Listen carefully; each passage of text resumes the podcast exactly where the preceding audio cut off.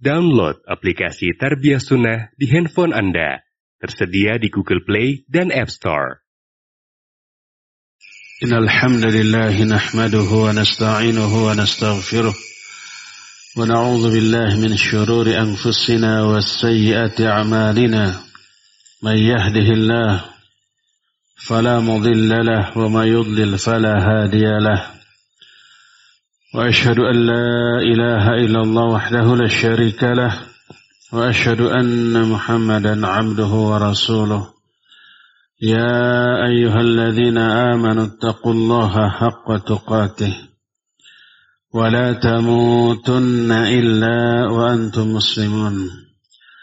يا أيها الناس اتقوا ربكم الذي خلقكم من نفس واحدة وخلق منها زوجها وبث منهما رجالا كثيرا ونساء.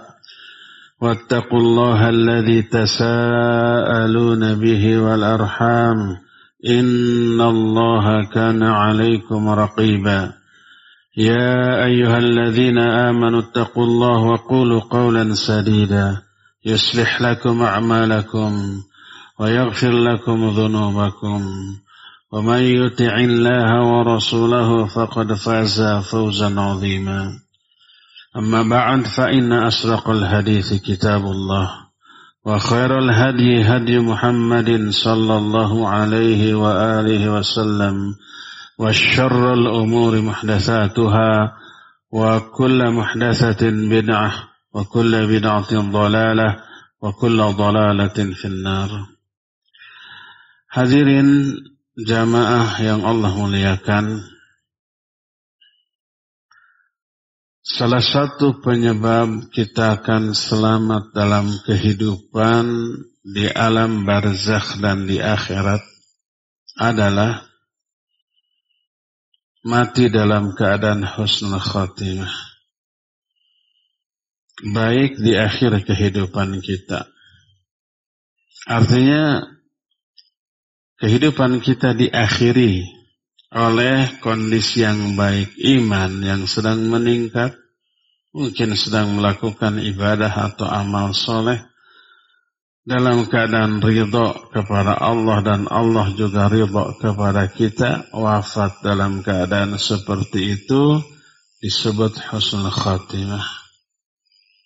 Amal terakhir yang dilakukan itu amal soleh, amal amal baik. Dan ini penentu. Kalau seseorang mati dalam keadaan sedang ibadah, sedang melakukan amal soleh, berarti Allah menghendaki kebaikan bagi orang itu. Allah ingin seluruh dosa orang itu di masa lalu dihapus. Dan ingin amal penutupnya pahalanya mengalir, mengalir terus sampai hari kiamat. Bersabda Rasul sallallahu alaihi wasallam, "Al-a'mal bi khawatimiha." Dalam riwayat lain, "Innamal a'mal bil khawatim." Amal manusia itu sangat tergantung pada amalan yang terakhir.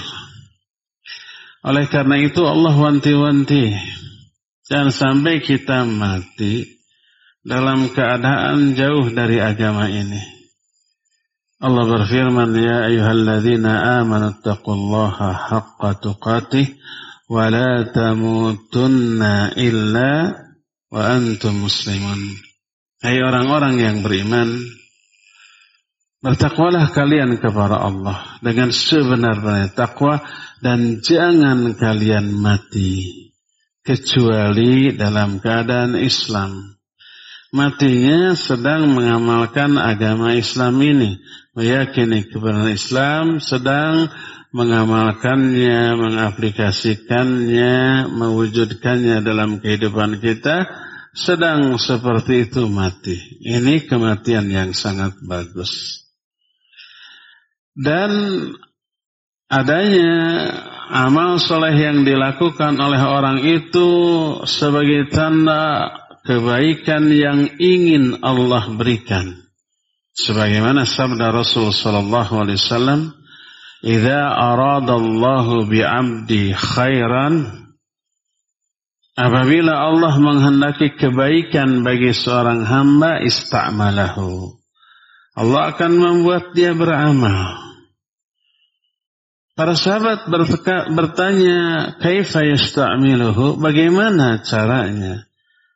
Allah itu membuat dia beramal, maka bersabda Rasul sallallahu alaihi wasallam, "Yuwaffiquhu li'amalin salih qabla mautihi." Allah akan beri hidayah kepada orang itu untuk melakukan amal soleh sebelum kematiannya. Sebelum mati beramal soleh dulu. Maka orang yang seperti itu kematiannya akan dibarengi dengan kebahagiaan. Akan dibarengi dengan kecintaan yang besar kepada Allah.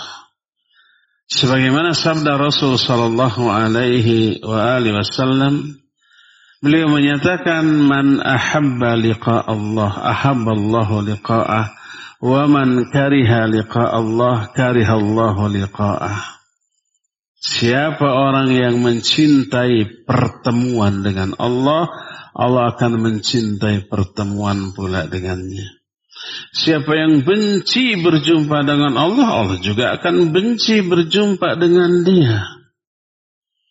Ketika mendengar ucapan ini berkata Aisyah radhiyallahu an, radhiyallahu anha, "Ya Rasulullah, akarahiyatul maut wa kulluna nakrahul maut."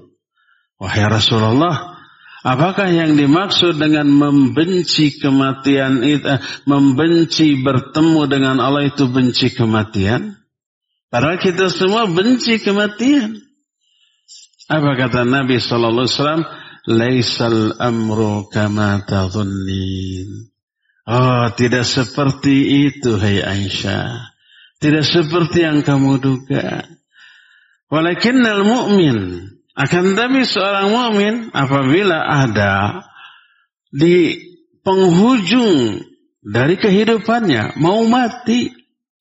Kalau seorang mukmin mau mati, maka busyira birahmatihi wa ridwanih orang itu akan diberikan kabar gembira dengan keriduan dan rahmat Allah. Dalam riwayat lain diperlihatkan surga kepada orang mukmin itu. Tuh, hadza maq'aduhu fil jannah. Itu tuh tempat tinggal kamu di surga kelak kalau kamu sudah mati dan kiamat sudah terjadi diperlihatkan. Maka ketika diperlihatkan surga kepadanya dia sangat mencintai pertemuan dengan Allah. Karena berjumpa dengan Allah bagi dia adalah sebuah kebahagiaan dikasih surga. Surga nggak akan diberikan sebelum kiamat. Maka saat itu dia mencintai pertemuan dengan Allah. Allah pun mencintai pertemuan dengannya. Sebaliknya apabila orang kafir atau orang fajir. Fajir itu durhaka. Mungkin dia muslim. Tapi lebih banyak dosanya daripada ibadahnya. Lebih banyak kesalahannya daripada kebaikannya. Apabila dia berada di akhir dari kehidupannya, dia diberikan kabar tentang murka dan azab Allah. Diperlihatkan neraka. Nanti kalau kamu berjumpa dengan Allah tuh azabnya dahsyat. Maka saat itu orang itu membenci berjumpa dengan Allah. Nggak mau. Karena berjumpa dengan Allah, wah azab. Maka saat itu orang itu membenci pertemuan dengan Allah, Allah pun benci bertemu dengannya. Jadi ternyata mencintai pertemuan dengan Allah atau membenci pertemuan dengan Allah itu akan dialami oleh orang ketika sakaratul maut. Siapa yang mati dalam keadaan husnul khatimah, dia akan mencintai pertemuan dengan Allah. Dan siapa orang yang mati dalam keadaan sul khatimah, dia akan membenci pertemuan dengan Allah Subhanahu wa taala. Bayangkan apabila sebelum kematiannya di perlihatan surga sebagai tempat tinggal, maka kebahagiaan menyertai kematiannya. Maka begitu juga ketika masuk alam kubur dia memperoleh nikmat kubur. Ketika di akhirat mungkin masuk surga tanpa hisab atau mungkin masuk surga dengan hisab yang baik dan mudah maka akhir kehidupannya adalah awal kebahagiaan bagi dirinya. Ini keutamaan dari husnul khatimah. Inilah yang dimaksud dengan wanti-wanti Allah wala tamutunna illa wa antum muslimun. Jangan kau mati kecuali mati di atas Islam. Mati sebagai seorang muslim, muslim itu adalah yang mengaplikasikan, mewujudkan, mengamalkan ajaran Islam dalam kehidupannya selain dalam keyakinannya. Islam bukan hanya keyakinan, tapi keyakinan itu harus diamalkan, diwujudkan, direalisasikan dalam kehidupan dan mati dalam keadaan demikian. Inilah yang disebut dengan husnul khatimah. Dan ini menjadi jaminan orang itu Allah masukkan ke dalam surga. Sebagaimana sabda Nabi SAW, Inna rajula la ya'malu bi'amli ahli nar hatta la yakuna bainahu wa bainaha illa dhira' fasbiqu alaihi kitab fayamalu bi'amali ahli jannah fayadkhuluha. Ada orang melakukan amal-amal ahli neraka. Kerjanya dosa, maksiat, dosa, maksiat. Baik dosanya itu meninggalkan kewajiban, meninggalkan sholat, meninggalkan saum Ramadan atau yang sejenisnya. Atau dosa itu karena melanggar larangan. Mungkin dia judi, mungkin dia mabuk, mungkin dia maling, mungkin dia berzina, mungkin macam-macam. Pokoknya amalan ahli neraka dia lakukan. Tak ada yang sampai tak ada jarak yang memisahkan antara dia dengan neraka kecuali sehasta selangkah lagi dia masuk neraka. Tapi ketetapan Allah mendahului. Dia berhenti dari dosanya. Dia tobat dari dosanya.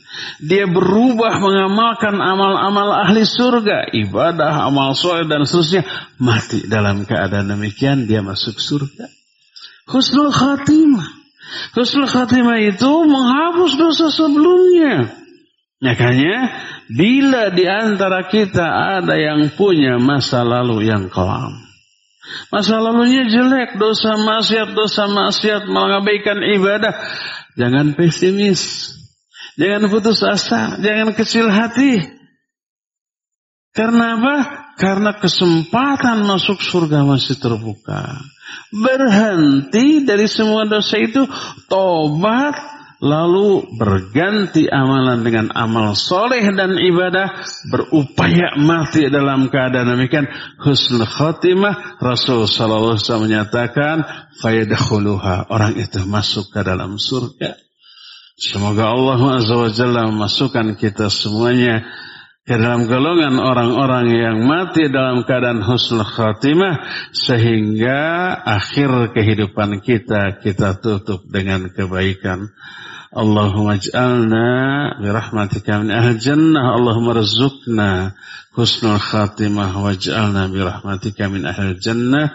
Barakallahu li wa lakum fil qur'anil azim wa nafa'ni wa iyyakum bima fihi min al ayati wa dhikril hakim wa taqabbalallahu minna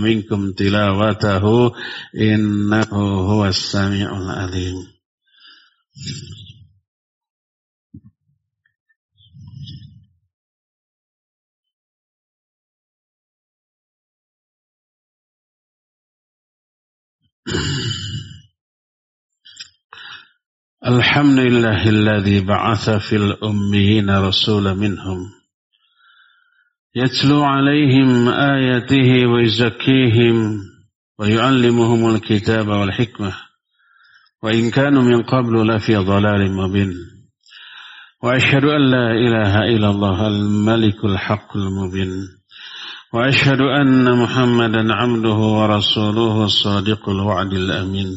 والصلاة والسلام على أشرف الأنبياء والمرسلين وعلى آله وأصحابه أجمعين ومن تبعهم بإحسان إلى يوم الدين وبعد. أيها الحاضرون أوصيكم ونفسي بتقوى الله فقد فاز المتقون. Hadirin sang Jumat yang Allah muliakan, husnul khatimah adalah hadiah, anugerah dari Allah Azza wa Jalla untuk hamba-hambanya yang terpilih. Gak semua orang mati dalam keadaan husnul khatimah. Dan banyak orang yang masa mudanya diisi dengan ibadah, amal soleh, kebaikan, menjauhi dosa, tapi menjelang kematiannya dia berhenti, kemudian berganti dengan dosa dan maksiat. Mati dalam keadaan demikian disebut su'ul khatimah. Sebagaimana sabda Nabi SAW, Inna rajula ya'malu bi'amali ahli jannah hatta la yakuna bainahu bainaha illa dhira' fayasbiqu alaihi al-kitab fayamalu bi'amali ahli nar fayadkhuluha waliyadhu billah. Ada orang yang sejak muda rajin ibadah. Melakukan amalan-amalan ahli surga. Sehingga tak ada jarak yang memisahkan antara dia dengan surga. Kecuali selangkah lagi. Sehasta, selangkah. Tinggal masuk surga. Eh, ketetapan Allah mendahului dia berhenti melakukan ibadah dan amal soleh berganti melakukan dosa dan maksiat, mati dalam keadaan demikian, dia masuk neraka. Waliyahzubillah. Maka di antara kita ada yang menghabiskan masa mudanya untuk ibadah, ibadah, ibadah terus. Jangan kepedean. Jangan apa? Jangan memastikan wah saya mau pasti surga. Ya boleh. Kita belum tahu akhir kematian kita kayak apa. Wajib kita pertahankan iman dan amal soleh yang ada. Dan inilah yang dimaksud dengan doa. Yang Allah ungkapkan dalam Al-Quran. Rabbana la tuzigh qulubana ba'da idh hadaitana. Wahab lana min ladunka rahmatan innaka antal wahab. Ya Allah jangan engkau sesatkan hati-hati kami. Setelah engkau memberi hidayah kepada kami. La tuzigh qulubana ba'da id hadaita wa hab lana min ladunka rahmah dan berikan kepada kami rahmat dari sisimu. Sesungguhnya Engkau Maha Pemberi. Adanya doa ini karena adanya banyak kasus orang setelah ibadah beramal soleh berhenti. Dari ibadah dan amal soleh belot melakukan dosa dan maksiat. Ada orang yang tidak ahli ibadah lalu berhenti dari ibadah. Allah cabut hidayah dari diri. Lalu sampai tua menjelang kematian tidak sholat. Tidak melakukan ibadah, tidak amal soleh. Yang ada di pikirannya walaupun sudah ada di ambang kematiannya adalah harta, harta, harta. Dia merasa usianya masih panjang. Dia berangan-angan ingin memperoleh harta. Berkata Rasul sallallahu alaihi wasallam, "Yakburu ibnu Adam wa yakburu ma'ahu isnata."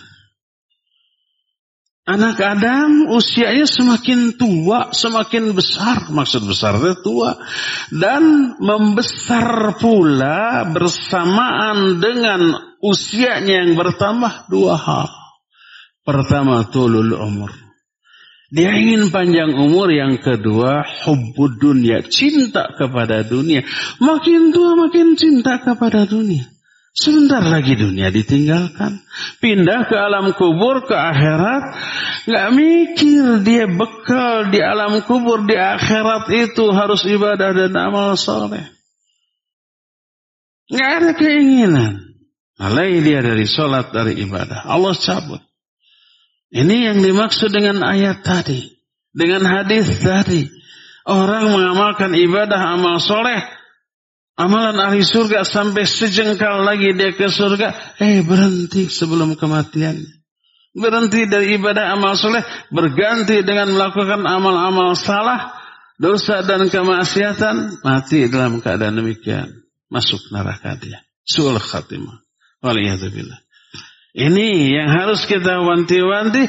Jangan sampai kita masuk dalam golongan orang yang mati sul khatimah. Tapi berupayalah untuk mati dalam keadaan husnul khatimah. Sebagaimana firman Allah. Wala tamutunna illa wa antum muslimun. Jangan kamu mati. Kecuali dalam keadaan Islam. Dan sebaik-baik keislamannya. Insya Allah nanti di Jumat-Jumat yang akan datang kita akan bahas kiat cara agar kita mati dalam keadaan husnul khatimah terhindar dari su'ul khatimah. Inna Allah malaikatahu يصلون على النبي يا أيها الذين آمنوا صلوا عليه وسلموا تسليما. اللهم صل على محمد النبي العمي وعلى آله وصحبه وسلم آمين. اللهم اغفر للمؤمنين والمؤمنات والمسلمين والمسلمات الأحياء منهم والأموات. ربنا ظلمنا أنفسنا وإن لم تغفر لنا وترحمنا لنكونن من الخاسرين.